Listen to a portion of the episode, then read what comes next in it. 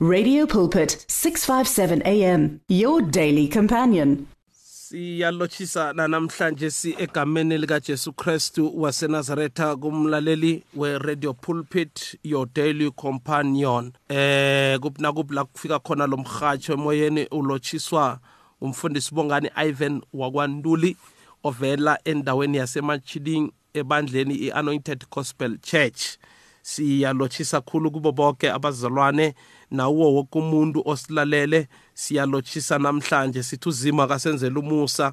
Kithi thina sonke sisalalele nanamhlanje egameni likajesu kristu wasenazaretha ake siye ezwini lenkosi nanti esilithola encwadini eh yaba yezaga incwadi ngeyezaga isahluko sika4 siyokufunda uverse number 23 siyofunda uverse number 23 verse number 23 incwadi ngeyezaga zaga 4 chapter 4 verse number 23 sizofunda nencwadi kaluka 6 verse number 45 yes ukufunda noverse lu uluka luke chapter 6 verse number 45 sizokuthoma la kuzaga zaga 4 verse number 23 angithome lapha kuverse number 20 ngamabomu nje. Sithome kuverse number 20 ngamabomu omlaleli verse number 20 akhe siyifunde. My son give attention to my words. Incline your ear to my saying. Do not let them depart from your eyes. Keep them in the midst of your heart. For they are life uh, to those who find them and health to all their flesh.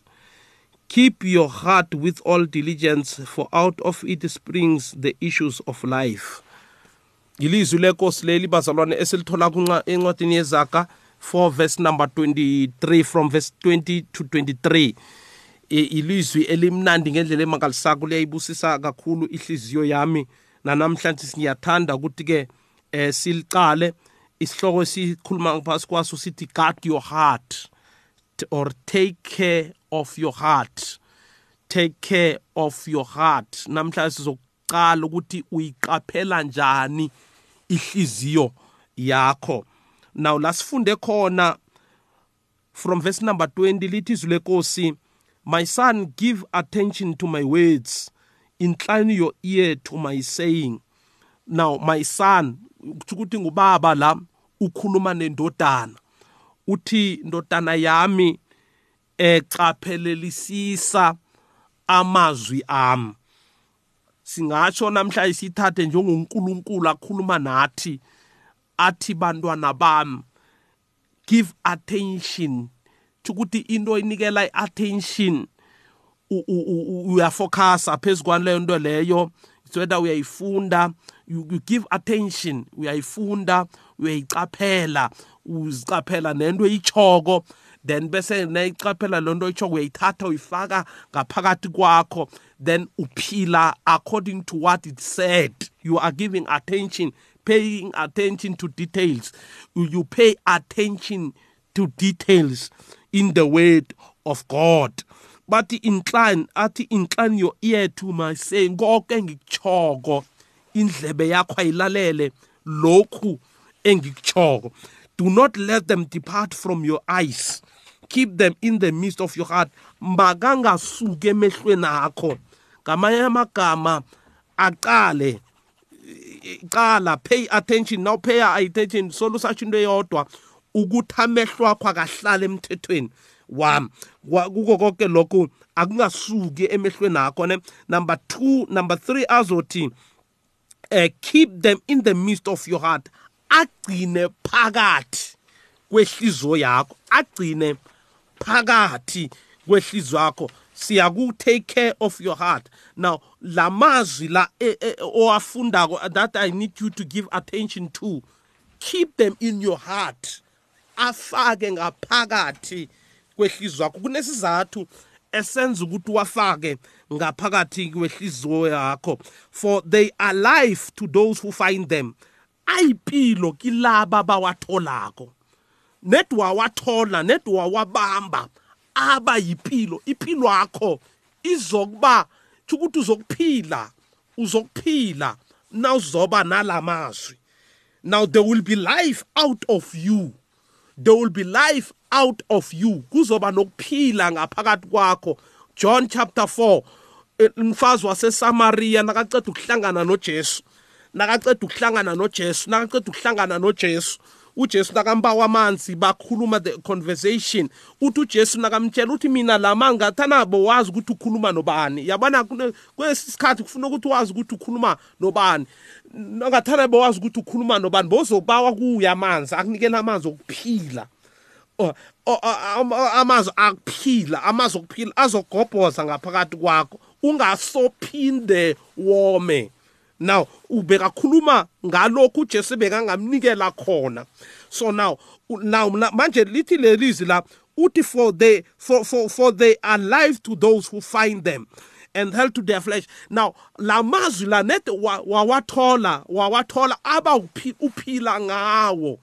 Asiphili ngamandla ethu asiphili ngegqondo yethu siphila ngokuya kwamazwi aphuma emlomeni kaJesu aphuma la esiwafunda ezwini likaNkuluNkulu. Uthi uPeter uJesu ukhuluma nabo Peter the time ba bekakhuluma amazwi ahash kibo because uJesu bekakhuluma amazwi ahash. Abantu bafuna into emnandi evela kuNkulunkulu kuphela.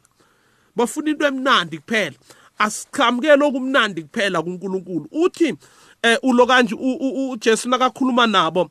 Now laba abanye bayangala bayakhamba bathi hayi ngeke sayihlalela into ekhulunywa nguJesu le.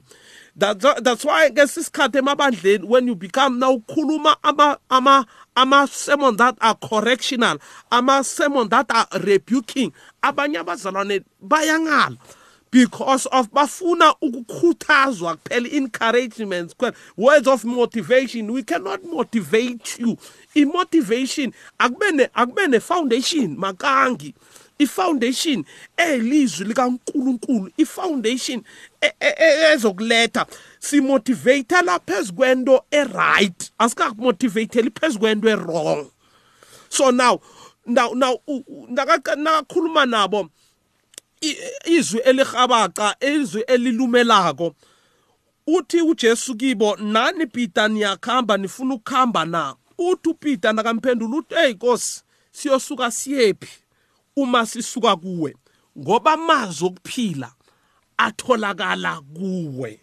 Uyabona uPeter beke sekade discover isecret yokuthi no Nkosi we cannot move away from you because of siyazi ungumthombo wokuphila wena.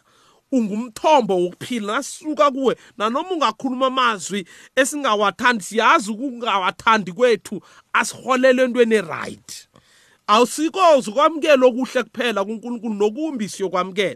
Namazwi awakhuluma kithi nangabe ayisisusa entweni embi esikiyo asifake kuphileni so be it sithi baba mayenziwe intando yakho. Angenzeke kwethu because we are asiphila kulombuso kaNkuluNkulu siphila according to your word. Siphila ngokuya kwemithetho yakho. So now they are alive they are alive uthi amazwi okuphila akuwe. Yabona nawuhlala kuye kunamazwi okuphila owathola kuNkulunkulu. Now ngoba uhlezi kuye Now, verse, verse number 23 at keep your heart with all diligence, for out of it springs the issues of life.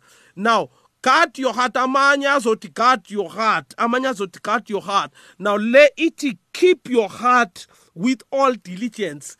Ngamanye amagama thogomela okungena ehlizweni nakho.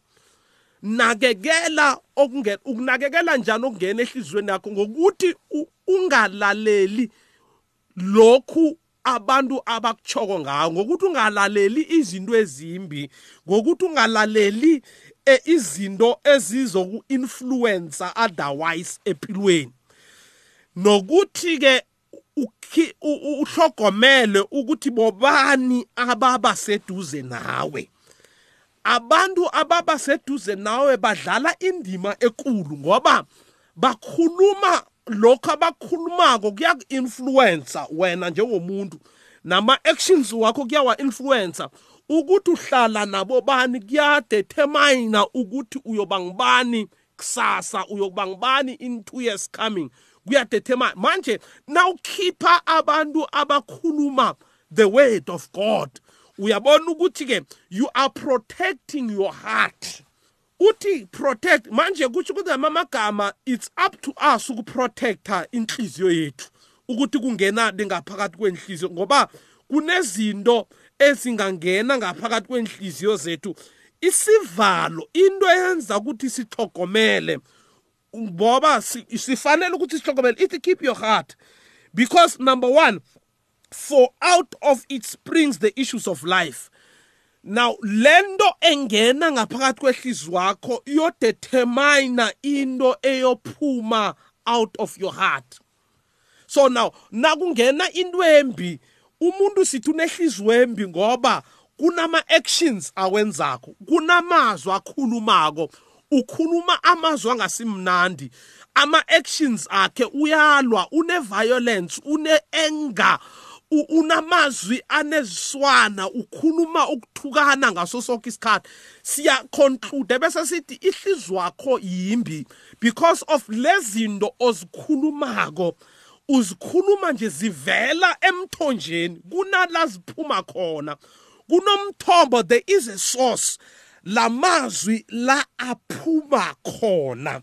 Sithi unehliziyo embi because of there is something that is kunento evalelwe ngaphakathi iyaphehla.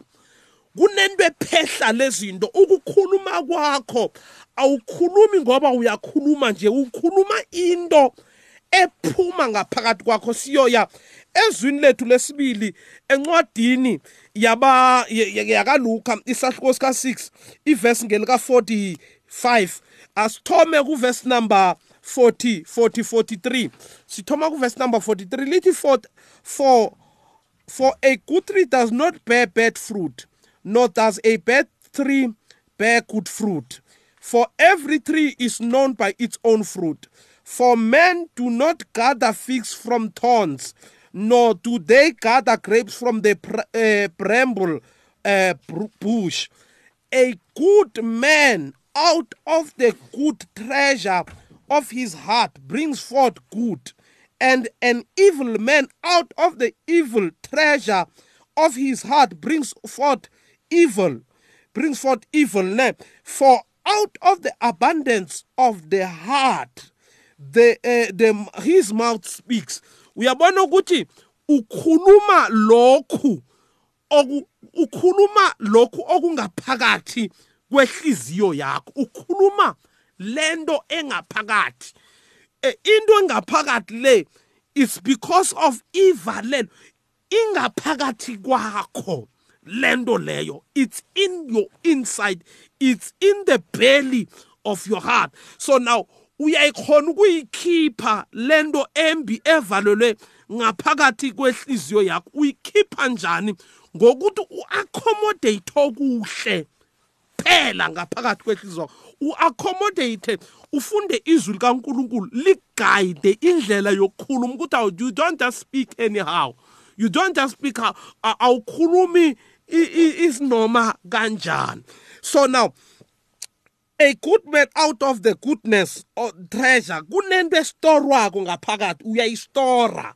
You store in your inside ngaphakathi kwakho. Then ke lento estore ngaphakathi kwakho automatically nase ukukhuluma kuyokuphuma okuhle. Why? Because of ngaphakathi kwakho kufakwe okuhle. Angeke kwafakwa okuhle kuphume okumbi. Lisho njalo lelizwi lithi angeke kwathi kutshalwe lisho njalo la for a good tree does not bear bad fruit. Iseed umlo um, umuthi omuhle awutheli inthelo ezimbi. Uthela izithelo ezimbi ngoba umumbi vele form e, emrabhini. Lento etshaliwe angeke iphume ilento enye kodwa angeke watshala amagwava. Bese kuvela ama-apula. No no no no no no. It cannot happen like that. So now into oyidlako into oyifaka ngaphakathi kwakho yinto. Nawuhlala isikhathi esiningi nabantu abathukanako. Nawuhlala isikhathi esiningi nabantu abakhulumana nezinto ezimbi ezinegative. Vele kuyophuma lokho because of kuyatshaleka lento the company or you keep is the company that you're going to be. So now itsho njalo izwi lenkosi lithi masingakhohlisani. I-company embi iyamotsha umuntu omuhle. Ukuhlala kwakho nabantu abambi uyo-enda apha umumbi automatical akwazi ukuthi batsho wena mina eh I'm strong eh eh. I-company the company you keep i-corrupta the good character. Lokho asingakhohlisani ukuthi no mina ngizohlala nabo eh ngeke ngibe njengabo. Eh eh nawuya kibo iba kibo as light ebese ubalethela ukukhanya don't ungahlali nabo don't don't mix with them don't stay ungahlali. Because ukuhlala kuyokwenza ukuthi ufane nabo. So now ukufana kwakho nabo it's because of ungilento uzofana nabo ngenxa ukuthi uhlala nabo.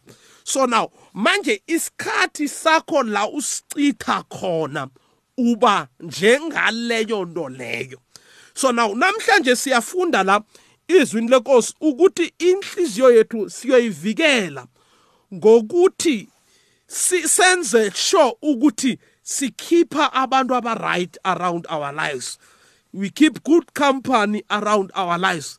We keep uh, izinto ezihle. We, we read books. We read the word of god. We read izinto ezizochanela ukuthi ihliziyo yethu ibe ngale ndlela esifuna ukuthi ibe ngakho. So na siyakhona ukuyidictator ukuthi ibe njani because of ngenxa yezinto esizifundayo ngenxa yezinto esizifida zona. So now take care of your heart mlaleli radio pulpit. Take care of your heart. Take care of your heart. Ihlogomele ihliziyo wakho ungayidlisi nanyana yini? Ungayidlisi nanyana yini? Because of one way or the other ukuthi no mina ngiyofika lapha sengihlala ngeke ngenze next no no no no. Lezi zinto abazikhulumako ziyayi-influensa inhliziyo yakho ziyayi-influensa ingqondo yakho. So phuma ebantwini obona ukuthi abakulethi i-positive input kuwe. Phuma kibo because of akuna-positive influence abayilethako. It's all negative it's all negative. Hlala nabantu abaletha a positive infect phezu kwempilo yakho. Ngaleyo ndlela ihliziyo wakho you are protecting it. Protect your heart with all diligence. Itsho njalo ibhayibheli ngakho konke iprotect ihliziyo wakho you don't deserve awufani you don't deserve ukuthi ube ngale ndlela ongayo. You can be you are a better person. You are a when umuntu right wena you are a very strong person. Check abantu abaseduze kwakho. Then you going to protect your heart. Siyathokoza ke eh mlaleli weredio pulpit nanamhlanje egameni lika Jesu nawufuna ukuthola umfundisi unduli naka amanomboro wami. Akhe ngikuchiyele wona namhlanje simlaleli 076 027 0799 076 027 0799 waphinde kokugcina mlaleli 076 027 0799 uyangithola lapho for imithandazo for whatever ukukhuluma whatever uyangithola khona lapho. Uzongithola kuleyo nomboro. Ake ngithandaze nawe. Babe egameni likajesu kristu wasenazaretha nangumlaleli waredo pulpit ngiyamthandazela.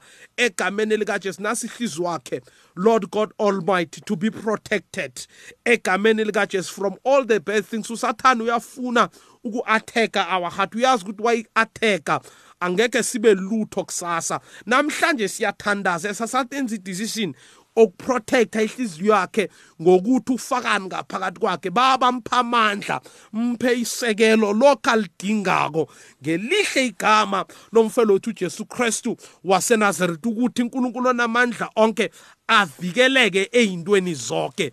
Ngegama elihle lomfelowethu ujesu kristu ongunkulunkulu wethu ozophila buse ingunaphakade naphakade. We bless you lord. In jesus name amen and amen. The words of the Lord are words of life. Your heart is on 657 AM. 657 AM. Radio for believers in action.